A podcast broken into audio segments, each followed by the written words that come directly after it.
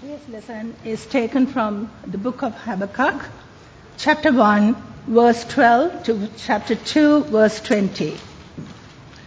Are you not from everlasting, O Lord my God, my Holy One?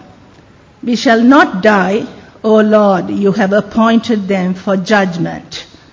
O Rock, you have marked them for correction. You are of purer eyes than to behold evil and cannot look on wickedness. Why do you look on those who deal treacherously and hold your tongue when the wicked devours? A person more righteous than he? Why do you make men like fish of the sea, like creeping things that have no ruler over them? They take up all of them with a hook. They catch them in their net and gather them in their dragnet. Therefore they rejoice and are glad. Therefore they sacrifice to their net and burn incense to their dragnet. Because of them, their share is sumptuous and their food plentiful. Shall they therefore empty their net and continue to slay nations without pity? I will stand my watch and set myself on the rampart and watch to see what he will say to me and what I will answer when I am corrected. Then the Lord answered me and said, Write the vision and make it plain on tablets that he may run who reads it. For the vision is yet for an appointed time. But at the end it will speak, and it will not lie. Though it tarries, wait for it, because it will surely come. It will not tarry. Behold, the proud, his soul is not upright in him, but the just shall live by his faith. Indeed, because he transgresses by wine, he is a proud man he does not stay at home because he enlarges his desire as hell. He is like death and cannot be satisfied. He gathers to himself all nations and heaps up for himself all peoples. Will not all these take up a proverb against him and a taunting riddle against him and say, Woe to him who increases what is not his how long?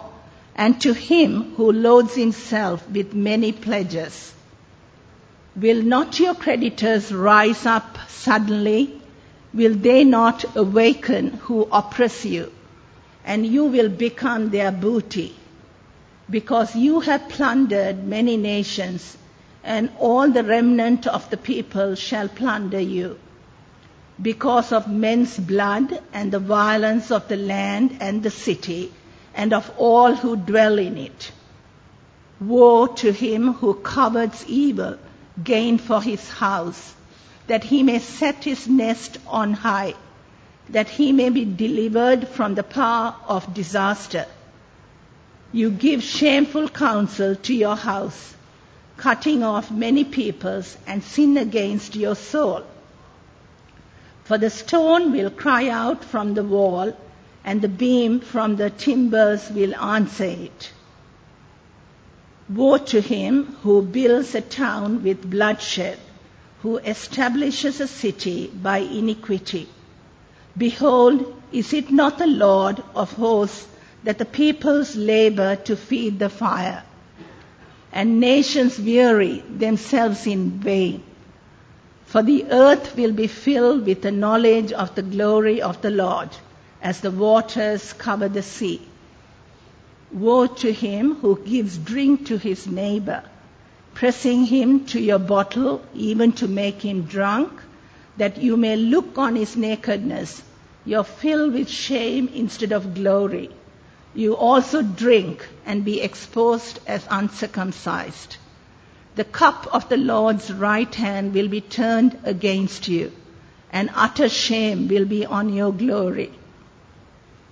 For the violence done to Lebanon will cover you, and the plunder of beasts which made them afraid, because of men's blood and the violence of the land and the city, and of all who dwell in it. What profit is the image that its maker should carve it? The molded image, a teacher of lies, that the maker of its mold should trust in it to make mute idols. Woe to him who says to wood, Awake, to silent stone, Arise, it shall teach. Behold, it is overlaid with gold and silver, yet in it there is no breath at all. But the Lord is in his holy temple. Let all the earth keep silence before him. Thanks be to God. What do you think? Uh, Habakkuk is going to be a little happier uh, with God's response this week, uh, round two, uh, than he was last week. Uh, last week, round one, uh, Habakkuk was, was crying out to God to get involved in this world, to do something about the, the violence, the injustice, the wrongdoing. Because for Habakkuk, it seemed like God was on the sidelines, that he was silent, and he, he wasn't actually doing anything.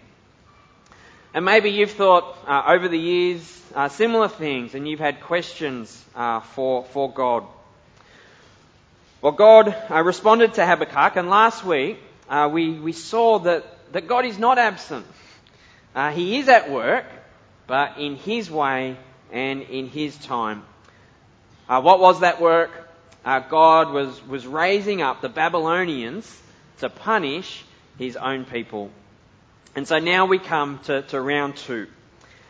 And I guess that the big question here is, how, how can God use a, a wicked nation to punish his own people? Uh, that, that's really the, the big uh, question here. Uh, so as we think about this, uh, three points, if you've got a handout, uh, they're listed there for you. Uh, the first point is that it's good to wrestle with the deep things of God. See, God is so big that there's so much about God that, that we don't understand, uh, that, that we can't understand.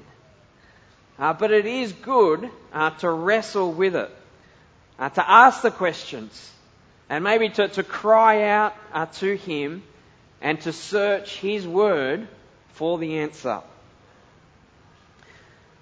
Now, those with little kids, it doesn't take too long, does it, before they start asking questions? Uh, and not just about anything, but about, about God. As they look at the world and think about faith and this, this God that they learn about and you're telling them about, but they can't see him and they ask uh, questions. Uh, it's good, isn't it? They're searching for answers and they want to make sense of this world and God and faith. I think it's Chris and Beck. Is it every Thursday night uh, you have a ask ask God a question, questions about God night? Yeah. So for everyone or for the kids. Now, Habakkuk Habakkuk did this, wrestled with these questions about God and asked the questions. And it seems back from chapter 1 that he wasn't real happy with the answer that he got. So he goes back to God. He presses God again. Because he knows God is good. He knows God is holy, uh, that he is just, uh, God can only do what is right. And so, like, this is doing his head in. Because he knows this is true about God, yet it just does not make sense to him how God can then use a wicked nation like Babylon to punish his own people. How is that just and right? See, for, for Habakkuk, it seemed like God's, God's character and his actions have become misaligned. Uh, like, like two plates that, that come adrift and then cause, cause havoc uh, with, with, an earthquake. He's wrestling with this. God's character and his actions, they, they seem to, to be not lining up. And um, oh, it's, it's been a wrestle for me this week, like working through uh, from verse 12 as Habakkuk uh, comes back to God and just trying to, to see uh, what it is that, that Habakkuk uh, is doing here. You know how you, you read something and depending on the, the tone that you use can really affect uh, the meaning? Um, so, I don't know, as, as you read this, um, do you think that Habakkuk is humbly coming to God, asking these questions? Or is he, is he accusing God of, of not doing what, what is right?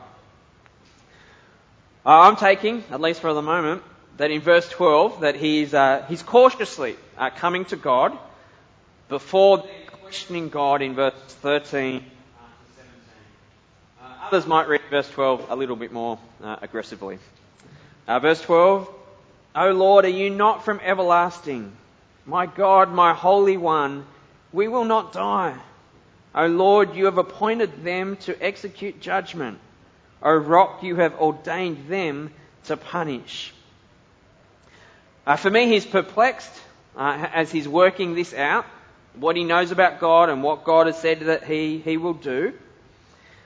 And I think verse 13 uh, is really the crux of it.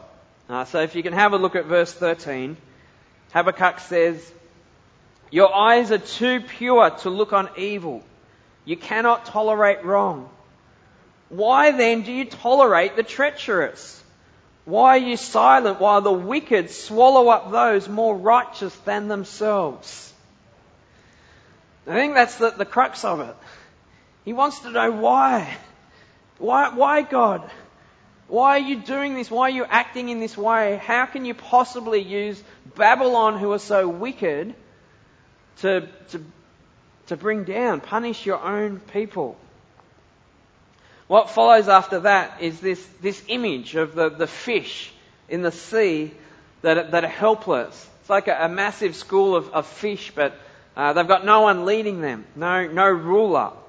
And what's happening, they're just, they're all just getting uh, uh, hooked, hooked on hooks, uh, reeled in, um, caught in the nets and, and being pulled up. Uh, it describes it, it says net after net is being hauled in. Right, this is just a, a free for all for Babylon. And it, that's what Habakkuk, Habakkuk is questioning God about. Is God going to just let this happen?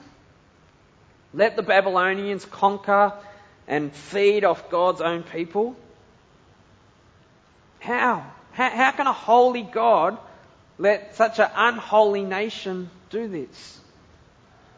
And not just let them, but actually use them as his uh, rod of punishment on his own people. Now, I'm, I'm sure this is a question that, that you've uh, wrestled with uh, as well. Uh, how, how can a good God allow evil and suffering in the world? Uh, that, that's essentially the question here. Uh, may, maybe it's a question that your, your kids uh, have asked in some form, and you had to answer them. What, what answer have, have you given? The question of why. Why God would, would let this happen? Why would God not step in and, and do something about what's happening in the world? I remember it was a number of years ago now, but my sister are really wrestling uh, with this question. Um, Boxing Day 2004. Remember when the tsunami hit and came through and just wiped out so many people. Something like over 230,000 people who, who lost their life in, in 14 nations.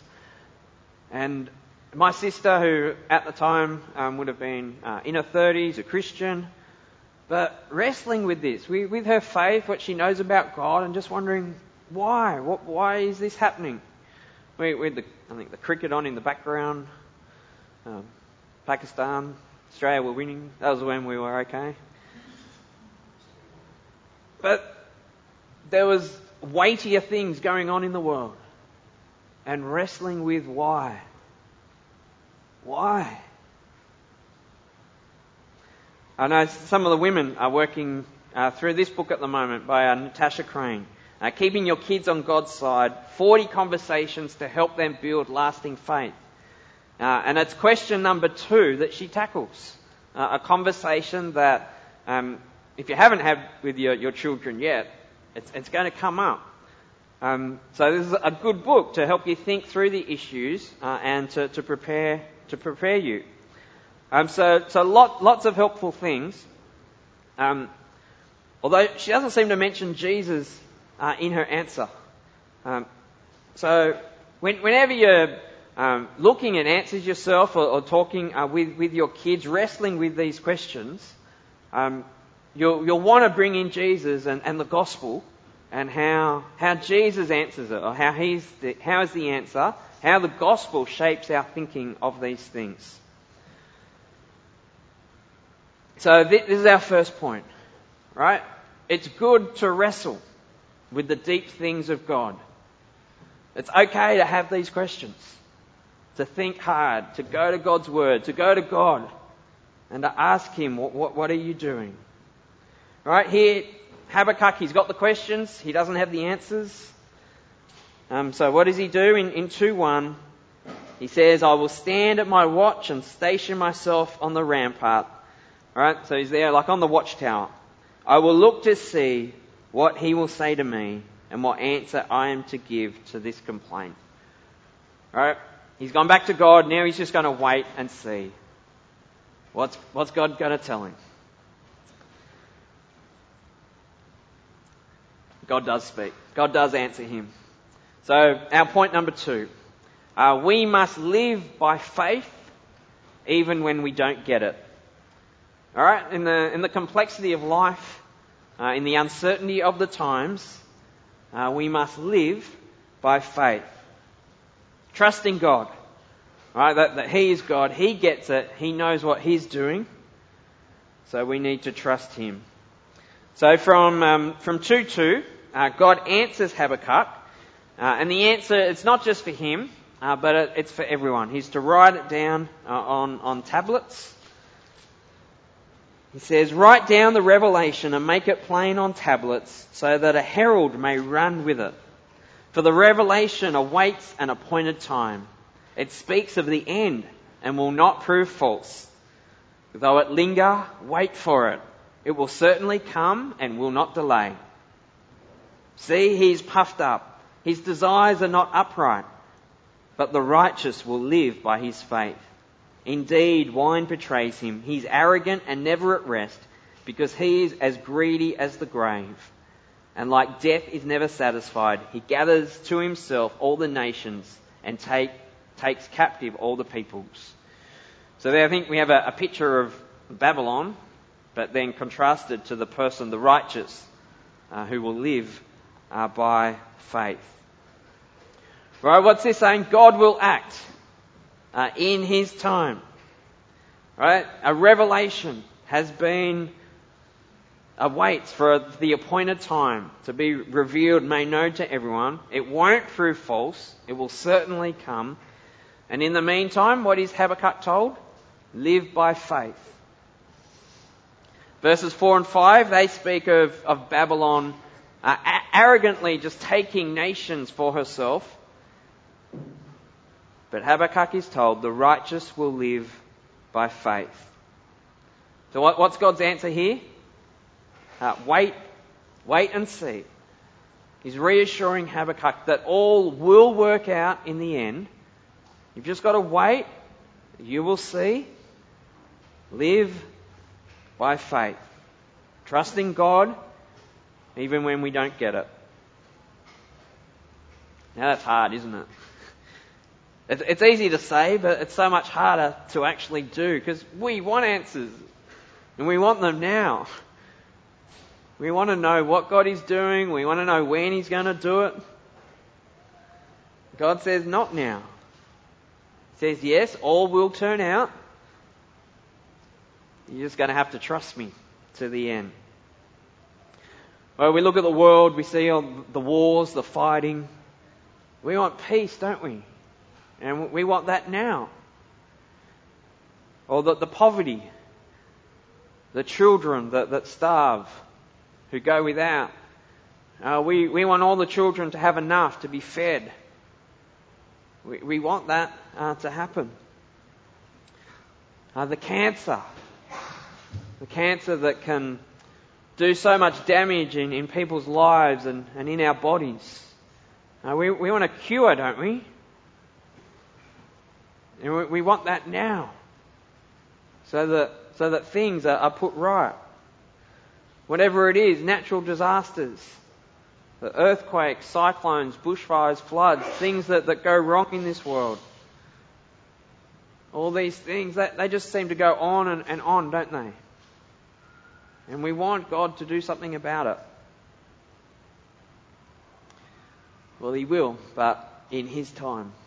So what, what do we do? Well, we can despair, uh, or we can trust God, knowing that He is good and that He is and He will bring about His, His good plan.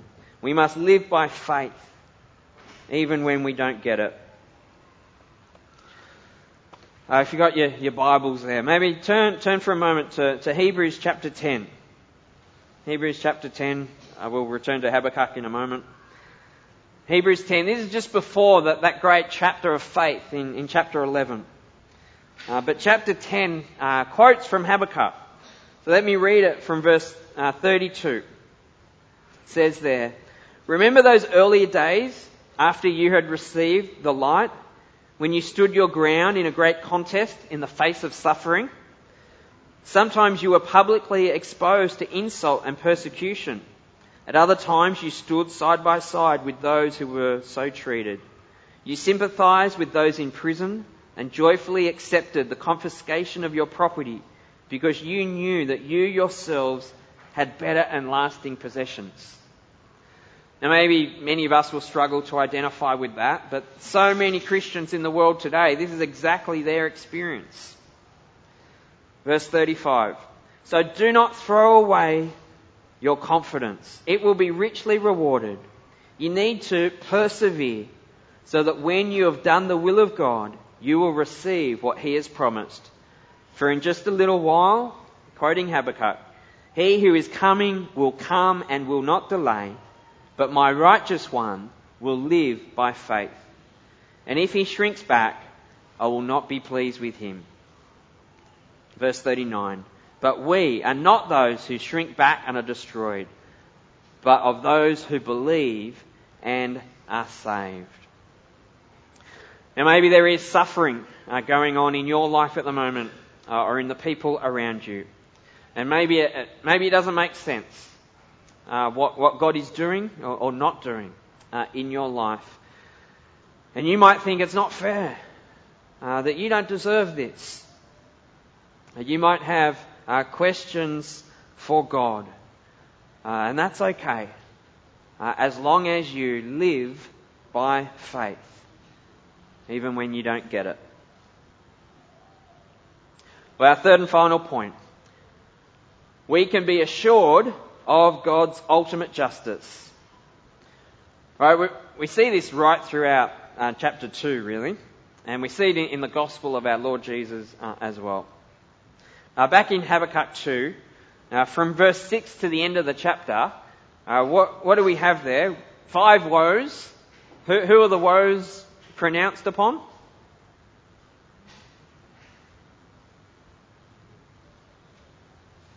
Five woes. Who are they to?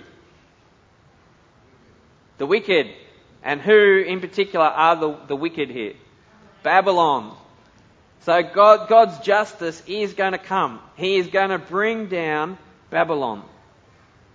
God is going to do that. Okay, for a time they're going to succeed, they're going to conquer. Things won't be good for, for Judah, for the southern kingdom, although that is their punishment.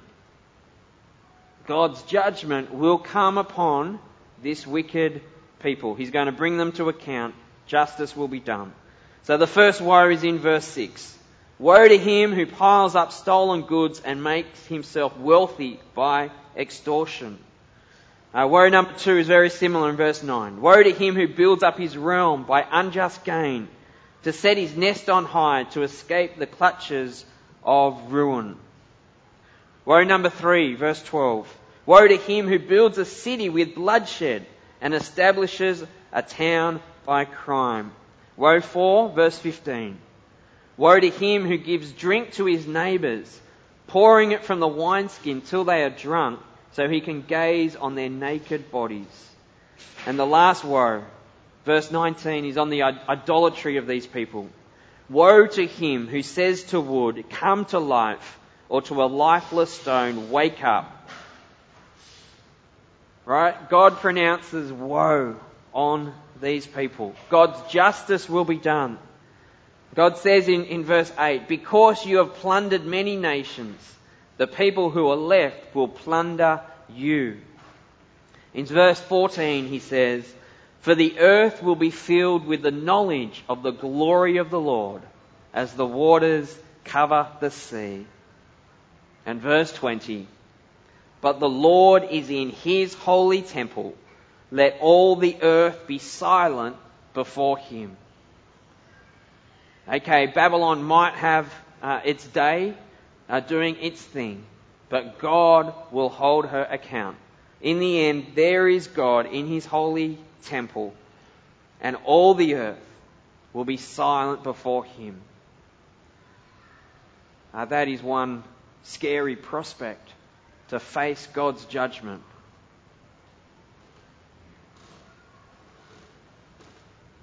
Romans 3 it says there, very similar. Every mouth will be silenced, whole world held accountable uh, to God. And then straight after that in Romans 3, we looked at it last week, uh, that, that great passage, how we can be spared from that judgment because of the faithfulness of Jesus. And there it also speaks about the, the righteous who will live by faith. Uh, we, we now are, are, God's people. We can be that righteous who live by faith. Uh, Jesus, uh, He is the one who makes us right with God uh, by coming into this world and taking on our sin as He dies on the cross. And so now in this world, as we wait for that final judgment day, uh, we are to persevere and we are to go on uh, living by faith. All right, let's let's finish just with um, seeing this again, how God's ultimate justice is going to come. Uh, let's have a look at what he says to the Thessalon- Thessalonians. So, um, 2 Thessalonians, chapter 1. God's justice that will come. 2 Thessalonians 1 from verse 3. He says, We ought always to thank God for you, brothers and sisters, and rightly so, because your faith is growing more and more, and the love every one of you has for each other is increasing. Therefore, among God's churches, we boast about your perseverance and faith in all the persecutions and trials you are enduring. All this is evidence that God's judgment is right, and as a result, you will be counted worthy of the kingdom of God for which you are suffering. Verse 6 God is just. He will pay back trouble to those who trouble you and give relief to you who are troubled and to us as well. This will happen when? When the Lord Jesus is revealed from heaven in blazing fire with his powerful angels. He will punish those who do not know God and do not obey the gospel of our Lord Jesus Christ. Alright, we can be assured of God's ultimate justice. In the Lord Jesus, in God's final judgment. Yes, things in this life, in this world, will be hard. Uh, for as long as we're, we're here, things will be hard. And some have it much harder than others.